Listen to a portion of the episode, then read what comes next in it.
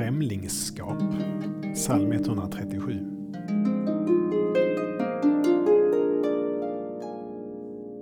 Men hur kunde vi sjunga Herrens sånger i ett främmande land? Israels folk var bortförda i fångenskap i Babel och blev uppmanade att sjunga glada visor. Sjung för oss en sång från Sion. Men de kände ingen glädje, bara hat mot sina fångvaktare.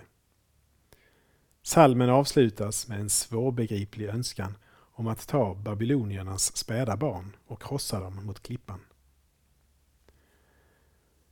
Nyckeln till förståelse ligger i att de uttryckte sitt hat inför Gud.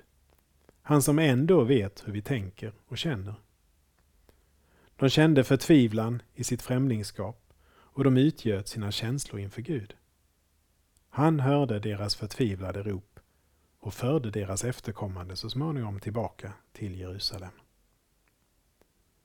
Vi ber. Jesus, du som var främling i Egypten som ett litet barn.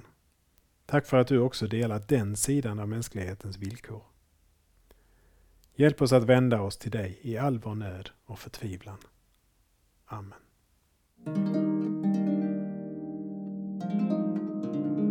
Saltarklanger med Per Runesson producerad av Norea Sverige.